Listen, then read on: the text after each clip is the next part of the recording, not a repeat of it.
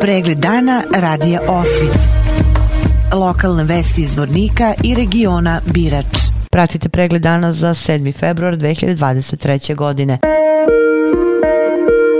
U toku je prijeva dece za upis u prvi razred osnovne škole Sveti Sava u Zvorniku, koje su novine prilikom upisa prvačića ove godine, direktor osnovne škole Sveti Sava Goran Ivanović. Ove godine vršimo elektronski upis učenika u prvi razred. Roditelji će elektronski se prijavljuju, ostavljaju svoje podatke. Mi te podatke povlačimo, obavijestimo ih o terminima testiranja učenika. To je neka novina u odnosu na ove protekle školske godine. Prijava važi e, za učenike koji su rođeni od 1. septembra 2016. do 31.8.2017. Ta godišta ove godine upisano u prvi razred. Pored ove elektronske aplikacije za sve roditelje koji nisu u mogućnosti da, da prijave svoje dijete preko interneta, mogu se javiti znači u osnovnu školu Sveti Sava gdje ćemo mi na licu mjesta izvršiti prijavu.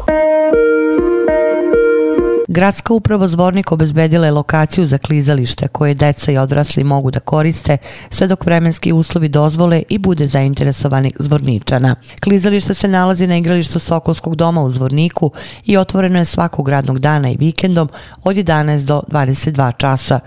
Cena ulaznice sa iznemljivanje klizaljke je 4 konvertibilne marke, odnosno tri konvertibilne marke za one koji imaju klizaljke za sat vremena. U zimske dane zvorničanima, pre svega deci, na ovaj način nudi se novi lep sadržaj i mogućnost za zdravo i aktivno provedu vreme.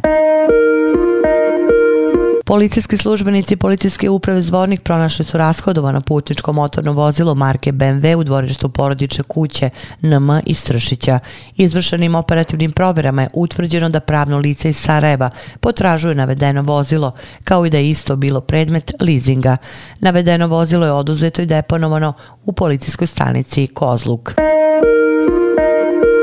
Pripadnici policijske uprave Zvornik za učenike osnovne škole Sveti Sava u Zvorniku održali su predavanje na temu bezbednost dece u digitalnom svetu.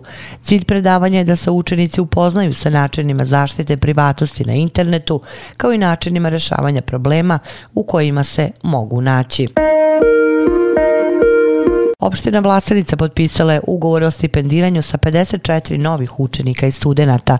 Stipendije su dodijeljene studentima sa prosekom ocena većim od 8,5, studentima i učenicima nosiocima vukava i diplome, studentima slabog materijalnog stanja, studentima deci ratnih vojnih invalida od prve do pete kategorije, studentima master studija sa prosekom ocena većim od 9 i studentima prve godine Šumarskog fakulteta. Opština finansira ukupno 99 stipendija stipendista, uključujući i stare stipendiste, a isplaćuje se 9 meseci u godini iznos od stotinu konvertibilnih maraka.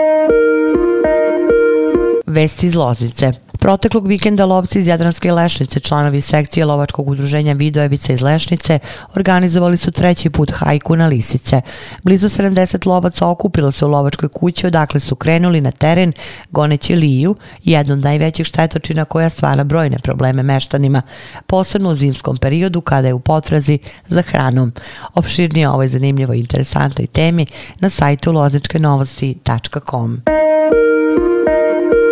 Pratili ste pregled dana za 7. februar 2023. godine. Hvala na pažnji.